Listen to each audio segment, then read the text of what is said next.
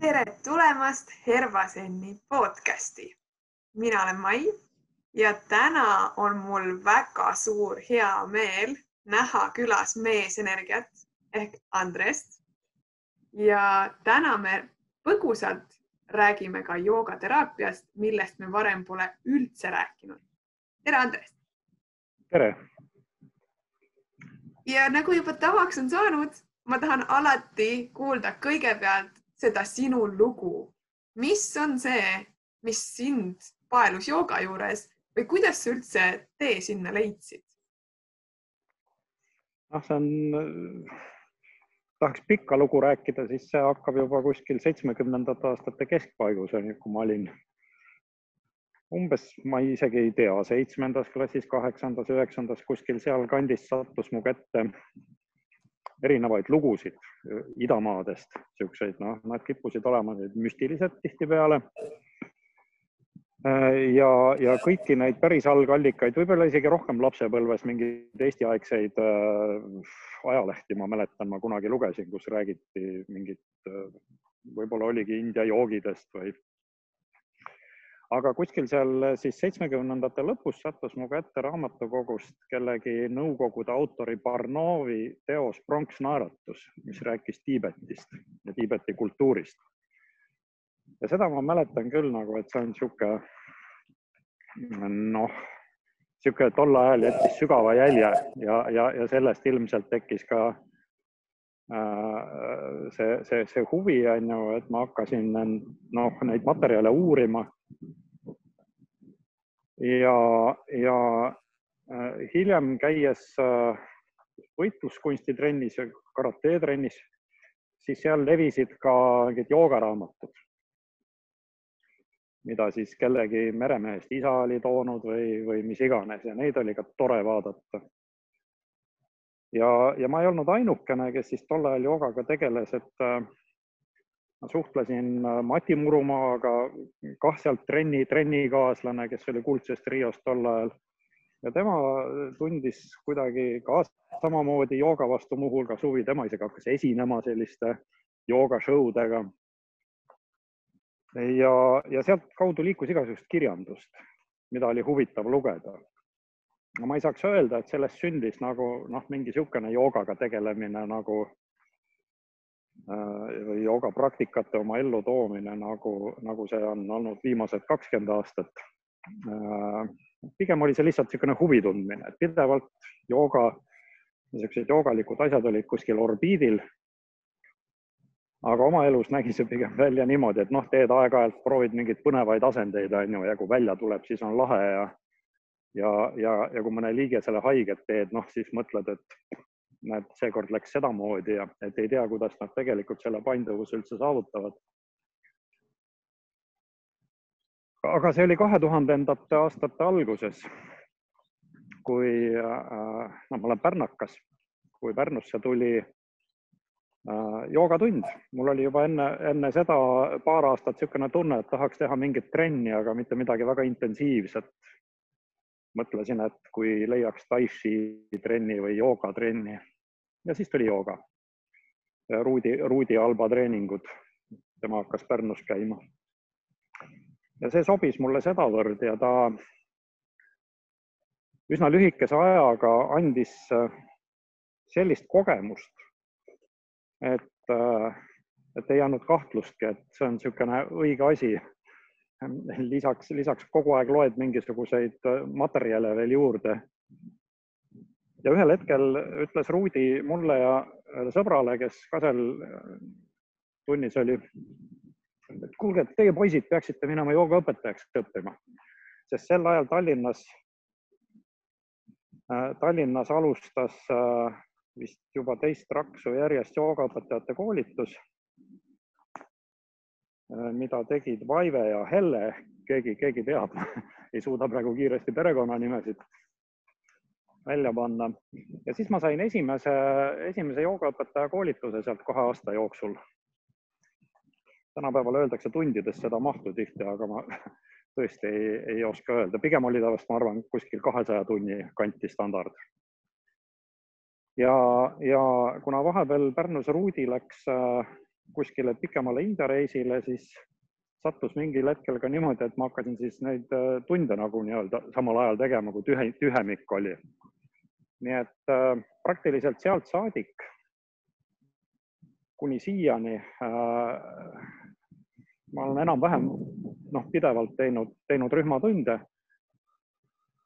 ja siis äh, sellele hakkas mingil hetkel kasvama juurde, tuli järgmine koolitus, mulle tundus, et sellest esimesest on vähe. ja ühel hetkel äh, meie Rootsi õpetajad Hanna Karina tulid Eestisse joogaõpetajate koolitust tegema, see oli juba niisugune palju sügavam ja põhjalikum. ja see oli siis neli aastat kestev mitte, mitte noh, pidevalt neli aastat igapäevaselt, aga äh, moodulite kaupa. Ja, ja ma praegu arvan, et see andis äh, nagu kõige tõsisema ja põhjalikuma põhja äh, sellest, mis, mis jooga on ja kuidas seda tänapäevasel inimesel äh, oleks noh, minu arust kõige õigem mõista, et see keel, esitamisviis Äh, alusdokumendid, et see tähendab alustekstid, millele toetutakse ja nende tõlgendamine. et see oli noh, äärmiselt, äärmiselt, kuidas nüüd öelda, mõjuv mm. -hmm. ja sealt, sealt omakorda tuli edasi veel joogateraapia ja hulk igasuguseid muid koolitusi äh, jah, ütleme, et selle jutu võiks siin, siin kuidagi, selle, selle evolutsiooni jutu võiks siin nagu kokku tõmmata. ja, aga ma tahaks veel küsida seda, et sa oled nagu väiksest või üsna noorest peale tegelikult olnud kindlate huvidega ju ja et sind huvitab just see Tiibeti pool ja, ja jooga on ju, et kuidas sinu ümber olevad inimesed sind mõjutasid, kas see tuli näiteks perekonnast kaasa või olid sul juba sõbrad sellised käisite kuskil ringis koos või see on sul lihtsalt kaasasündinud? ma lapsena lugesin palju. eks see kuskilt raamatutest on tulnud mm.. Ja päris nagu, eks, eks sõpradega sai ka mingisuguseid teemasid keskkooli ajal näiteks arutatud, aga ma ei ütleks, et need kuskilt mõjud, et raamatud on ikka need mõjud põhilised aga praegu siis, mida sa täpsemalt teed? sul on ju väga-väga pikk joogataust, sul on nii palju kogemusi. Kuidas siis sinu tavaline päev välja näeb ja, ja kuidas oma tunde läbi? praegu täpsemalt ma jalutan metsa vahel ja räägin sinuga ja hetkel, hetkel näeb mu päev selline välja. ma tegelikult ei, eelmisel aastal millegipärast sügisel mul oli tunne, et ma jätan grupitundide aasta vahele ja siis äh, kevadel hakkas veel see koroonaviirus ka peale ja ma mõtlesin, et huvitav, et kas siin on mingisugune niisugune sünkroonsus ka või, või, või ma lihtsalt tundsin, et oleks vaja väikest vahet äh, teha. ja see aasta ma vist ka rühmatunde paistab, et ei tule välja, sest igasuguseid äh, noh, koolitusi ja muid asju on nii palju. et päris ennast lõhki tõmmata ka ei taha aga noh, tavaelus mul on kunstiõpetaja haridus. Ja ma olen päris pikka aega niimoodi fotograafiaga tegelenud, mis on ka järjest süvenenud ja, ja, ja hetkeseis on selline, et ma Pärnu kunstide koolis õpetan fotograafiat. Pärnu Ühisgümnaasiumis õpetan fotograafiat, aeg-ajalt on äh, mõned koolitused täiskasvanutele fotograafia alal. Aeg-ajalt on koolitused äh, erinevatel joogateemadel täiskasvanutele, aeg-ajalt on jooga individuaaltunnid, mis noh, enamasti on mingi teraapia kallakuga, kellelgi on mingi probleem, mis ta soovib, soovib lahendada. ja mingi osa päevast siis äh, teen, teen oma mingeid väikseid praktikaid. ja vahel söön ka mõnikord mõnikord aga kas äkki jooga on sind mõjutanud äh, toitumise poole pealt, oled sa taimetoitlane, mis on ju väga popiks saanud või? ma ei, ma ei ole, ma ei ole taimetoitlane selle niisuguses hästi karmis mõttes, aga taimetoitlus on mulle väga sümpaatne. ja Mhm. kui mul on võimalik, siis ma eelistan taimetoitu. siin Eesti kliimas ma küll mäletan, see on üks niisugune varasema elu episood jälle, et kui ma esimest korda hakkasin mõtlema, et nüüd ma hakkan taimetoitlaseks, siis see juhtus kevadel. Ja see kestis kuni sügiseni, kui jahedaks hakkas minema ja äkki tekkis niisugune tunne, et noh, tahaks mingit hakklihakastet või värki. siis, siis mul tekkis tagasilangus ja see on paar korda veel nii olnud, et äh, kui on palju päikest ja suvi, siis on väga kerge olla taimetoitlane meie kliimas. aga kui läheb külmaks ja niiskeks, siis võib-olla äkki on meil vaja natukene äh, midagi, midagi loomset otsa, sest meil ju banaanid ja apelsinid niimoodi loomulikult ei kasva siin. aga aga hästi mõjub vähem söömine, teadvustatult, teadlikult valida, mida süüa, kui palju süüa. ja kui seda mitte teha, siis on enesetunne enamasti halb. ma arvan, et kõik me oleme seda kogenud aeg-ajalt, et sellest tasuks õppust, õppust võtta. aga kuidas on lood paastudega? Ma olen aeg-ajalt teinud selliseid kahekümne nelja tunniseid, mis mõjuvad ka väga hästi. mingeid siukseid radikaalseid pikki paaste äh,. ei ole ma tahtnud teha ja Tiibeti meditsiin, mille, kus, kuhu ma olen ka nina toppinud natukene, ka ei soovita selliseid radikaalseid asju teha. ma arvan, ma arvan, et palju tõhusam on nii joogapraktikates kui, kui ka sellistes toitumistes olla mõõdukas ja teha asju väikeste portsude kaupa mitte korraga palju. et, et pidevalt normaalselt süüa on mõistlikum, kui et aasta otsa noh, möllata, teha, mis tahad ja siis kevadel teha üks, ma ei tea nädal, kuu aega paastu on ju niimoodi radikaalselt. ma arvan, et see pidev on, mõjub meile palju paremini. pidev jälgimine. Kuidas... pidev õieti tegemine kuidas sa võib-olla veel võid tagasi vaadata ja mõelda, et noh, sa praegu ütled, et toitumisalaselt on ju, et sa sööd pigem taimset. kindlasti on siin ju mõju kõigil sellel jooga ajalool ja, ja kõikidel sinu huvidel on ju. mida sa veel võiksid välja tuua, mida on see joogateekond sulle andnud tavaelus, et mis on muutunud, mida sa võib-olla oled ise tähele pannud? ma arvan, et ma olin kunagi üpris, üpris kergesti ärrituv või vähemalt ma ise arvasin niimoodi või kergesti vihastuv isegi lausa regulaarne püsiv joogapraktika, ma mäletan seda, kui ma, kui, kui see algas, siis see muutus üpris tuntavalt ja kiiresti. et noh, ma võiks öelda, et kui mingi emotsioonid käisid muidu sellise graafikuga, siis niisuguse regulaarse joogapraktikaga hakkasid nad käima niimoodi. et noh, eesmärk ei olegi, et nad täiesti ära kaoksid, aga aga et nad kontrollimatult meid valitsevad, see ei ole ka hea. et siis see tegelemine noh, mõjutab seda täiesti selgelt ja otseselt. see ei ole ainult noh, minu, minu tunne, et seda noh, olen, olen ka oma õpilastelt kuulnud ja, ja, ja teistelt kolleegidelt, teistelt praktika, praktiseerijatelt aga kuidas sellega on, et seda sa märkasid, eks? kas sa siis hakkasid võtma endale näiteks mingid kindlad hommikurutiinid ja õhturutiinid, et seda hoida või pigem on jällegi see läbi aastate lihtsalt tulnud? see on pigem, pigem tulnud, kuigi mul on mingisugused, jah, mul on pigem õhturutiinid, et ma olen niisugune õhtuinimene ja oma joogapraktikat ma teen ka õhtuti pigem noh, regulaarselt vahel ka muudel päevaaegadel mingitel, mingitel põhjustel, aga õhtune aeg on minu aeg. aga kui sa ütled õhtune aeg, on ju, siis mis kellavahemikku see jääb, kas võib olla näiteks nii, et sa teedki kaks tundi joogat ja lõpetad südaöösel ja siis lähed kohe magama? jah, täpselt nii. täpselt nii täpselt nii ongi.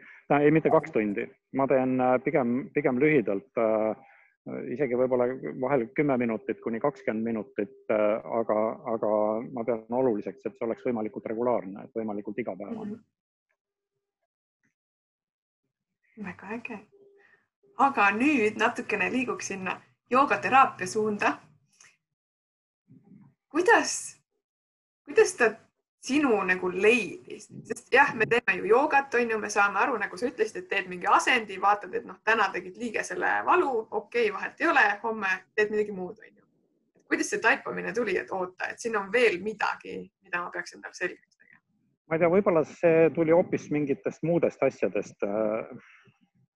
lapsepõlves olin suht palju haige ja mööda haiglaid. minu ema oli medõde Äh, ma olen elus isegi mõelnud korra selle peale, et minna arstiks õppima, aga noh, vaimsed võimed ei kündinud sinnamaani. noh, ma ei, ei läinud proovimagi, aga ma mõtlesin mingil hetkel selle peale. ja, ja võib-olla see nagu mõjutas, et see teraapia pool äh, on, on huvitav ja ma uskusin, et see annab veel nagu teadmisi, et kuidas inimene toimib ja, ja kahtlemata ta ongi seda andnud. ja kuidas, kuidas tal siis, jah. mida siis üks joogaterapeut teeb kuidas see erineb äh, tavajoogatunnist? ideaalis ei peakski väga võib-olla erinema niimoodi noh, laias laastus. Ma arvan, et jooga on üleüldse oma olemuselt algusest peale ongi teraapia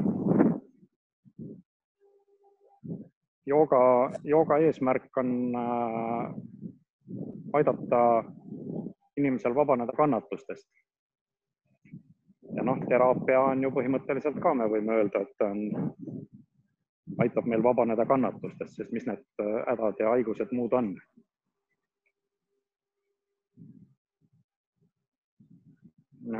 Põhiline, mis teraapias on, on niisugune väga individuaalne lähenemine inimesele, tema võimetele, soovidele ja joogavahendite ja põhimõtete rakendamine selliselt, et ta sobiks noh, kõiges selles individuaalsuses äh, selle konkreetse inimesega. me vist kõik, ma ei tea, kui paljud on vaadanud igasuguseid toredaid raamatuid. Ma mäletan, üks minu esimesi selliseid raamatuid, mis tol ajal mm, äh, Äh, tol ajal seitse, tuhat üheksasada seitsekümmend, kaheksakümmend levis, oli ümber pildistatud Aiengari Light in Yoga oli vist ta pealkiri jah. ja seal lõpus on selline pikk peatükk sellest, et milline asana millist äh, haigust või probleemi ravib. Äh, nüüd on mind selles mõttes või õigemini juba ammu-ammu ümber õpetatud, et sellist asja ei ole olemas. et võtad ühe asana ja see ravib neid haigusi Äh, pigem tuleb vaadata ikka iga, iga inimest nagu eraldi, on ju, et äh, noh, alates kasvõi sellest, et millist taasanat harjutust, liikumist on ta võimeline praegusel hetkel üldse tegema. et kui tal on kael haige, siis ei saa teda panna tegema mingeid turiseisu või, või muid noh, niisuguseid radikaalselt kaela väänavaid ja, ja keha raskust kaelale panevaid harjutusi kohati võivad need teraapia mugandused, mis asanates tehakse, minna nii kaugele, et sa ei tunne sealt joogat äragi. aga noh, nagu joogas on, kõige olulisem on äkki tähelepanu ja siis hingamine. keha on see kõige jämedam, millega tuleb kõige rohkem arvestada. et siis saabki kasutada, panna põhirõhu võib-olla hoopis tähelepanule ja äh, hingamisele ja, ja kehaga siis mugandada nii palju, kui saab. mitte, et neid tähelepanu ja hingamisharjutusi ei peaks mugandama, neid ka.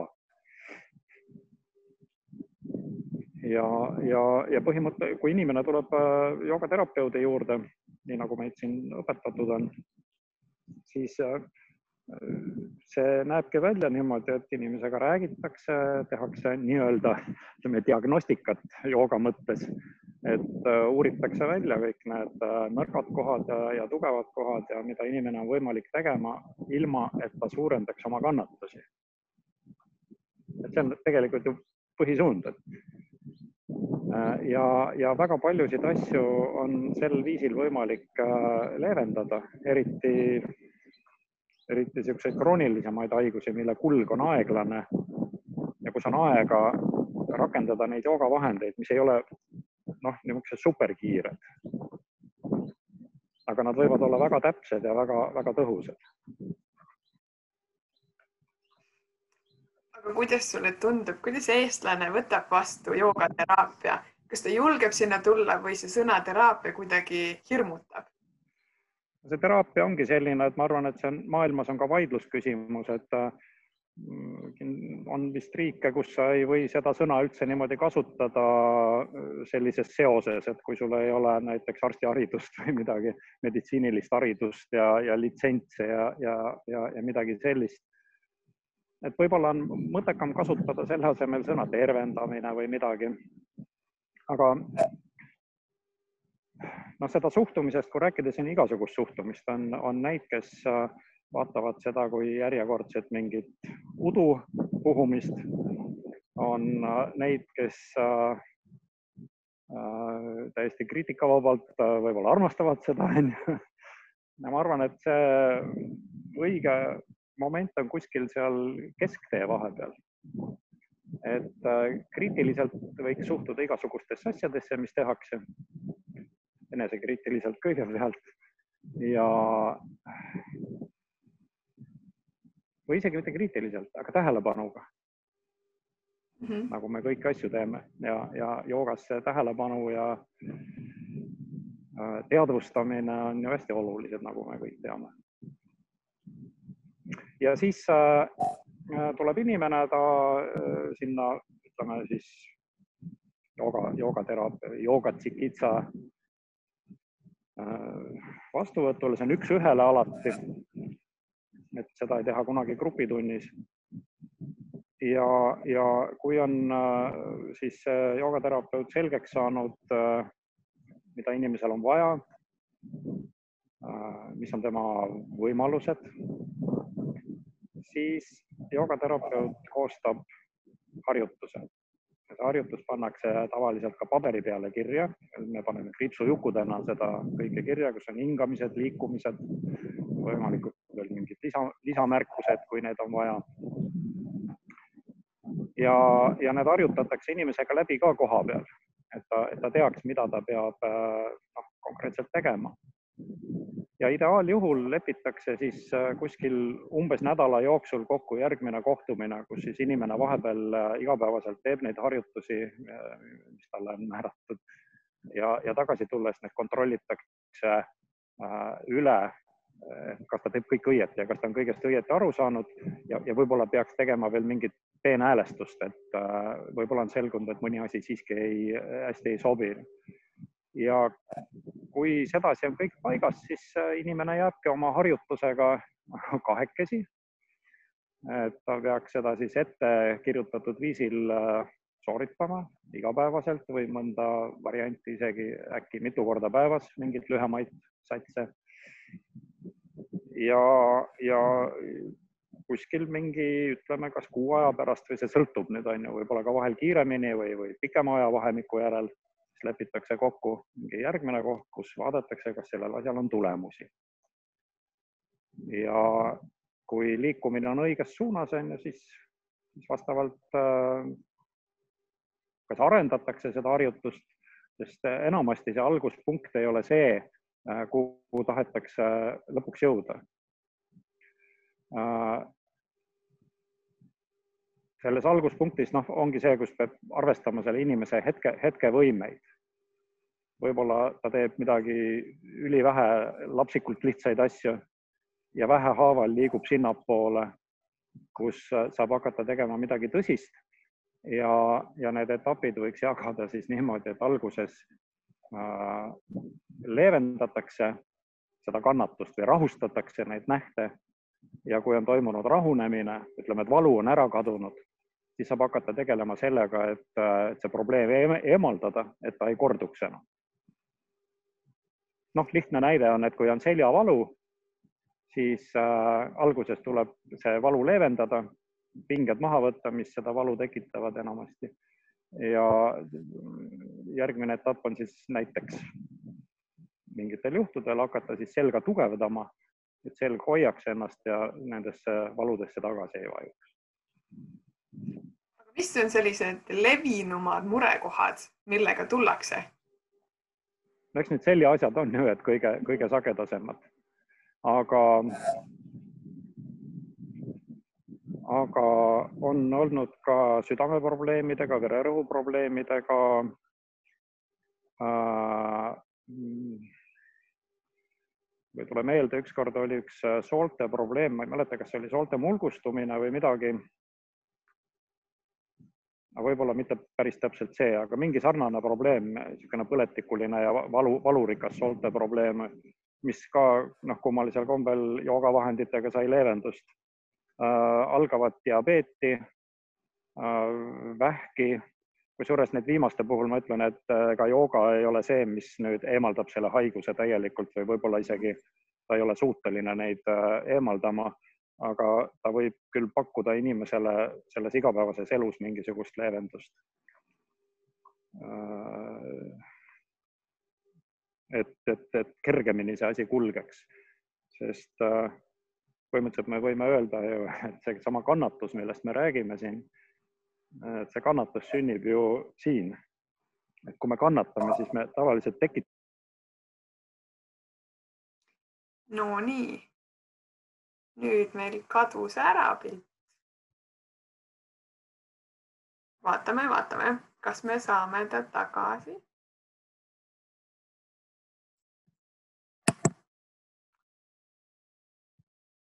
hmm.. saame vist kohe korda ja saimegi tagasi, väga hea. nii, midagi juhtus meil vist või? Mingi ühenduse rike vist oli jah, aga õnneks Facebookis pilt püsis, nii et me saame kohe jätkata sealt, kus pooleli. siin, siin seda tunniajalist piirangut ei ole? ei, ei ole. okay.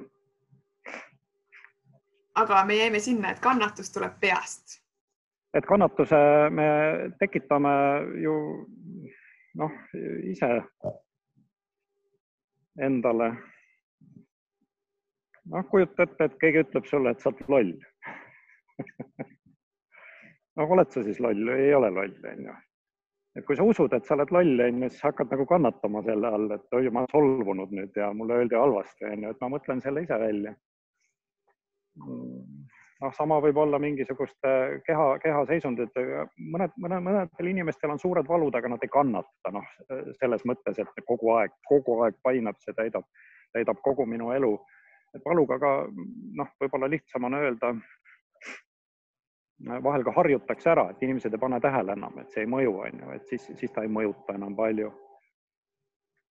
aga, aga see suur noh, kannatus suure K-tähega et selle me tihti nagu tekitame iseendale või mõtle, mõtleme selle välja või kuidagi sünnib meie teadvuses. ei tea, kas see on nüüd aru, arusaadav jutt see on väga arusaadav. ma tahakski küsida siia, et äkki sul on mõni nipp neile, kes praegu ennast ära tundsid, on ju, et tahaks minna sinna ohvri rolli, et mul nüüd on, noh, ma ei tea, kuskilt valutab ja siis ma olengi selles valus. kuidas nagu jõuda sinna, et ma lihtsalt teadvustan seda valu ja lasen minna ja hakkabki parem, eks? mulle tundub, et võiks proovida, mulle väga meeldib see lähenemine, see on niisugune mõneti meditatiivne ja, ja, ja selline suhtumist muutev äkki. Kui äh, vaadelda, kui on aega, vot tegelikult me rabeleme kogu aeg ringi ja me ei saa keskenduda endale piisavalt palju tavaliselt, aga kui see on võimalik, siis võiks proovida seda valu rahulikult vaadelda ja ähm, võib-olla isegi armastada. Äh, selles mõttes, et meile, meile tekitab piina tavaliselt need asjad, mida me tahame ära lükata, aga mida me ei saa ära lükata. ja siis me piinleme selle käes, et tahaks lahti saada, aga ei saa lahti. kui seda suhtumist äh, muuta õnnestuks, siis ma arvan, et suur osa sellest äh, äralükkamisvajadust, kui see kaob ära, et sellest suur osa sellest kannatusest kaob ka ära. et me võime vaadata, äh, kindlasti võib-olla mõned mõtlevad, et ah, et mis ta seal räägib, on ju, et tal midagi ei valuta ja, ja, ja nii edasi. on mul ka valutanud igasuguseid asju ja kohti ja küllap valutab veelgi. aga see on osa meie kehast, osa meie, tihtipeale on meie valud osa meie senisest käitumisest ja, ja eluviisidest ja, ja suhtumistest. ja, ja, ja kui me vaatame oma keha ja ei püüa oma keha ka koos kõigi probleemidega eemale tükata, lükata endast, vaid pigem armastada, siis me võtame suure osa noh, sellest jamast maha. ja ma arvan, et kui päris ära ei võta seda valu, siis leeveneb kindlasti. võib-olla läheb hoopis ära. see on väga-väga hea nipp. kindlasti, kes sa kuulad, katseta, kui sul on see mure ja, ja kindlasti ma arvan, et palju, palju, palju aitab kaasa ka, vabandust, ma segan vahele, et palju aitab kaasa ka see, kui äh, ikkagi teha nagu spetsiifilisi mingeid kehapõhiseid asju, mis tihtipeale on, äh, annavad võib-olla väga kiiret tulemust. paljud valud on seotud ähm, äh, pingetega kuskil, need pinged tuleks vabastada, lõdvestada. või nii nagu joogas öeldakse, et praana peab saama vabalt voolama rahulikult ja vabalt. aga kui sa praegu ütlesid, et sina ei anna rühmatunde, on ju, kas sa siis eraviisilisi seansse teed ja kui sa teed, sa neid teed? jah, et need on tulla. kokku leppida ja, ja, ja Pärnus on täiesti see võimalus olemas. ja mul on üle Eesti ka kolleege, kes teevad äh, joogateraapiat äh, näiteks äh, noh, esimese hooga võib soovitada meie oma lehekülge joogakool.ee või, või vaadake jooga.ee-st, seal on, seal on mitmeid õpetajaid, kes on õppinud joogateraapiaid, joogateraapiat, noh, selles samas süsteemis, mis, mis meie mm. -hmm. et ehk siis ei olegi rääkinud, on ju, et millega tegemist on, et äh, see on Krishna Macharya ja Desikachari see traditsioon Tikavi Desikacharya ja, ja Krishnamacharya. väga hea, aga nüüd ma jälle tuleks sinu juurde tagasi ja küsiks sellist asja, et äh, sul on nagu väga-väga pikk taust juba, sa oled põhimõtteliselt ekspert on ju, aga. vana mees juba. no mitte seda, ma tahan ikka öelda, ekspert lihtsalt, huvitav oleks nüüd teada kuhu edasi, millest sa veel unistad?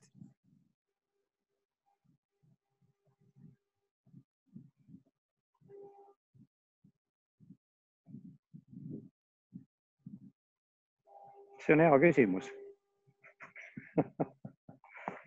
väga hea. ma ei oska, ma ei oska ühtegi sellist äh, mingisugust suurt äh, eluunistust niimoodi välja tuuagi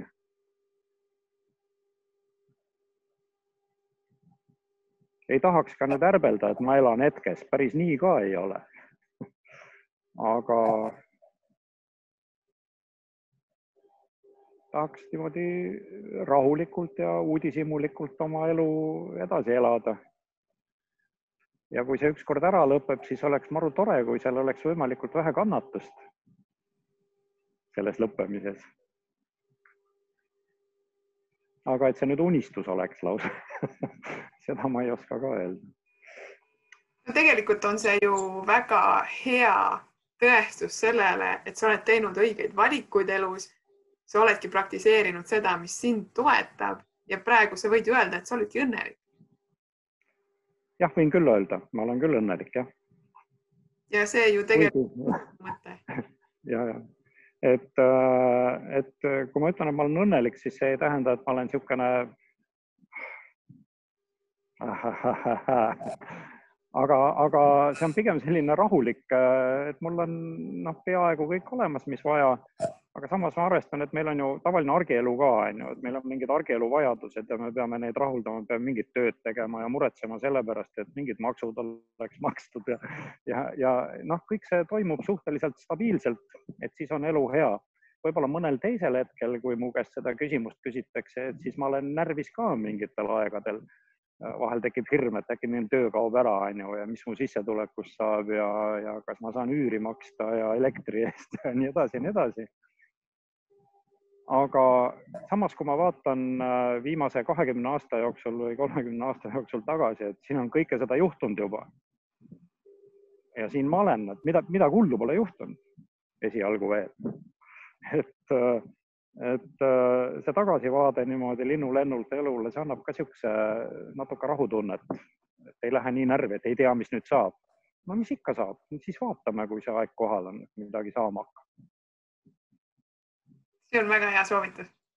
et just vaadata tagasi, osata hinnata, mis siis on tehtud. kuidas, kuidas, et kuidas tavaliselt on, et üks, üks niisugune elu muutev mõte, mis ma isegi mäletan, et kõndisin kunagi tänaval ja, ja äkki nii-öelda tuli pähe nagu niisugune valgustus niisugune mõte, et, et käid ringi ja muretsed, see oli mingisuguse üheksakümnendate lõpus mingisuguse majanduskriisi ajal, kui jälle ei teadnud, mis saab ja kuidas, kuidas maksta, maksta oma neid asju ja, ja siis äkki mõtled, et mida on inimesel eluks vaja. et need on mingisugune, mis on miinimumpakett, mida mul vaja on, mul on vaja üür ära maksta ja elektriküte ja mingid elementaarsed riided selga on, saab jube, jube odavalt tänapäeval kätte kuskilt Sekkarist või mis iganes, tihti ilusad ka veel pealekauba. ja siis on natuke süüa vaja. ja see on tegelikult vist äkki ongi miinimumpakett, on ju, et elus püsida. ja siis vaatad, et mis see summa on, et ah, et selle summa saab, noh, ikka töötab kuskilt ülesse. ja siis äh, tulebki see arusaamine, et on vaja raputada maha endast äh, sellised aktiivsed ja võib-olla ka piinavad mingis mõttes tahtmised. tahaks uuemat, ilusamat autot või tahaks äh, neid kõige moodsamaid riideid või tahaks veel, tahaks reisida kuhugile kaugele. no mitte, et nendes midagi halba oleks, kui see on võimalik, aga nende pärast ei ole mõtet põdeda siis on, siis on elu palju rahulikum. see miinimumpaketi peal võib elada ju täitsa normaalselt. ja, aga kust need huvid tekivad inimestel, et tahaks rohkem, on ju, et see meedia meil ümber kogu aeg pasundab, et sa võiksid rohkem tahta. jah, meedia pasundab ja äh, tootjad tahavad neid asju müüa ja, ja ja siis kõik see on ju rajatud meie kleešade peale. joogainimestele tuttav mõiste vist ju, mis on meil kaasa, kaasa sündinud. Äh, klammerdumine või saamahimu ja, ja ego ja mis vahel töötab niimoodi, et kui mul ikka ei ole seda kõige, kõige vingemat Ferrarit või, või Mersut või midagi, et siis ma ei olegi nagu keegi äkki või äh, kooliõpilastel siin on vahepeal ju näha teismelistel, et on, peavad olema margirõivad ja kõige uuem iPhone ja seda juttu on ikka siin aeg-ajalt kuulda. eks seda puhutakse muidugi üles ka mm. -hmm. jälle, jälle teadvustamine, et kui sa teadvustad endale, mis toimub äh, ja kuidas see mehhanism toimub, see reklaamimehhanism ja, ja, ja vajaduste tekitamise mehhanism, et siis sul võib-olla on ka elu natuke rahulikum. peaks maailma vaatama niimoodi avatud, avatud silmadega ja uudishimulikult ja uurima, et mis toimub, mis on ühe ja teise asja taga. aga kuidas? praegune, jah ma tahtsin öelda, et praegune maailm on nagu väga-väga nagu lõhki tõmmatud, on ju, just nende igasuguste vajaduste, soovide ja maailmavaadete tekitamise ja, ja õhutamisega. see, see tegelikult natuke tõi ka mu järgmise mõtteni, et, et kas sina siis oma immuunsüsteemi ka kuidagi boost'id või sa käidki looduses ja teed joogat?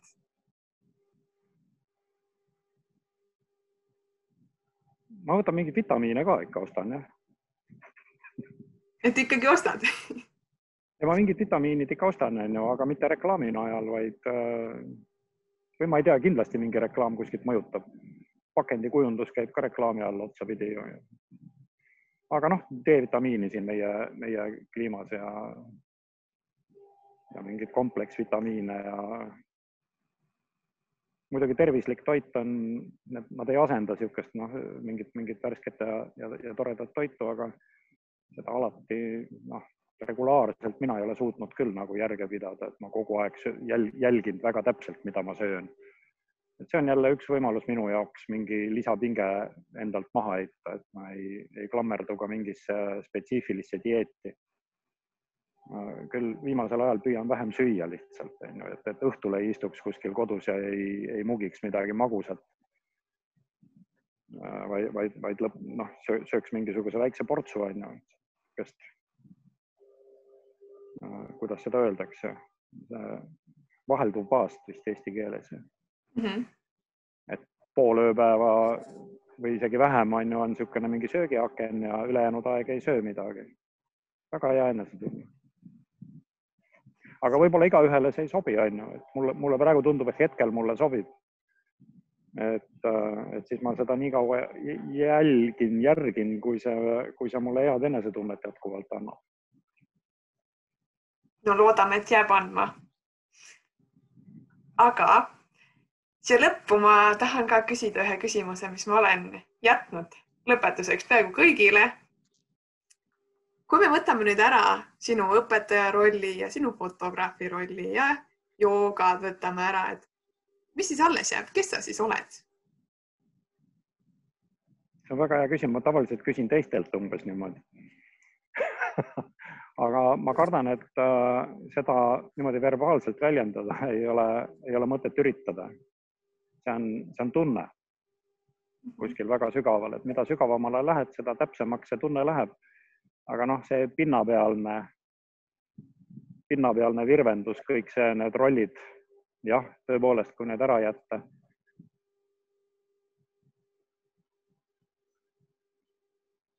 Kuskil, kuskil südamekandis on mingi tunne, ma olen üritanud vahel inimestele viidata, et mõelge, kas te mäletate seda tunnet, et ma olen kuskilt äh, lapsepõlvest. ja, ja, ja proovi seda võrrelda selle tundega, et ma olen praegu. Äh, see, millest, no see, mida mina selle juures tunnen, on ju seal ei ole mingit vahet, see on täpselt üks ja seesama. see tunne. et äh, võib-olla see ongi nagu suund sinnapoole, mis me joogas räägime, et äh, jõuda oma tegelikkusele minani, mis on nagu peaeesmärk. et üritada loobuda, loobuda keskendumast oma rollidele, et mina olen õpetaja või mina olen fotograaf või, või veel midagi või Äh, see on üks asi, on ju. Äh, isegi, et mina olen Andres, äh, ka, ka selle võib ära jätta.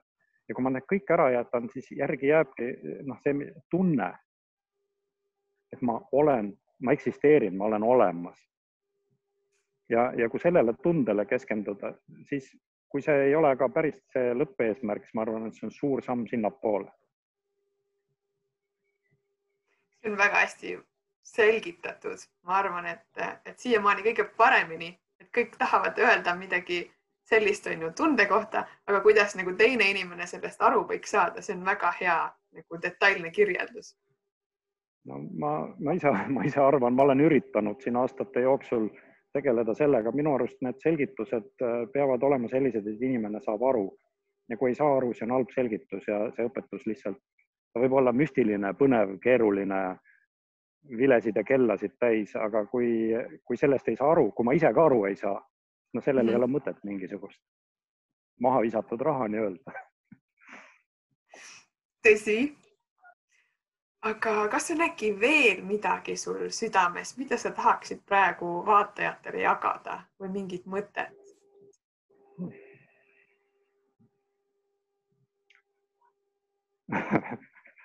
kas tervitada võib? Muidugi võib. Tegelikult ma mõtlesin, et kas võib teha väikest reklaami, et äh, joogakooliga tulemas järgmine aasta rida koolitusi huvitavaid, et vaadake joogakool.ee lehekülge, et -hmm. sealt leiate ja saate lugeda ja mõelda, kas see, kas see kõnetab teid või huvitab teid. siia võikski kohe küsida juurde, et kas joogakooli on oodatud kõik või peab sul olema mingisugune eelteadmine, et sinna tulla? Äh, need koolitused, mis järgmine nädal või järgmine aasta, vabandust, algavad kakskümmend üks aastal, et need on praegu disainitud niimoodi, et sinna võib tulla kõik, kellel on huvi. Teraapiakoolitus eeldaks natukene eelteadmisi, aga me oleme ta praegu niimoodi teinud, et kellel puuduvad nagu meie traditsiooni teadmised, et me saame teha seal ka lisapäeva, kus me anna, anname siis terve päeva jooksul nagu teeme niisuguse lühikoolituse on ju neist kõige põhilisematest momentidest. Ja, ja samas, kui keegi, keegi tahab alustada nii-öelda aasta B-st on ju, et siis on, alustame ka joogaõpetaja koolitust koos oma kahe kolleegiga kolmekesi. et meil on seal nagu kolm elu ja joogakogemust liidetud et nendele, et kui vaadake järele, et äkki huvitab midagi super, ma arvan, et kindlasti kedagi praegu kõnetas. ja ma tegelikult ka panen südamele siin, et see video jääb üles. kui sa tunned, et sul on mõni küsimus veel, mida sa praegu ei jõudnud küsida, nii põnev oli, ei tulnud isegi mõttesse, et jõuaks küsida, siis sa võid siia video alla kirjutada või võid ka otse kirjutada Andresele näiteks või joogakooli lehele kirjutada, onju. et variante on, ära pelga.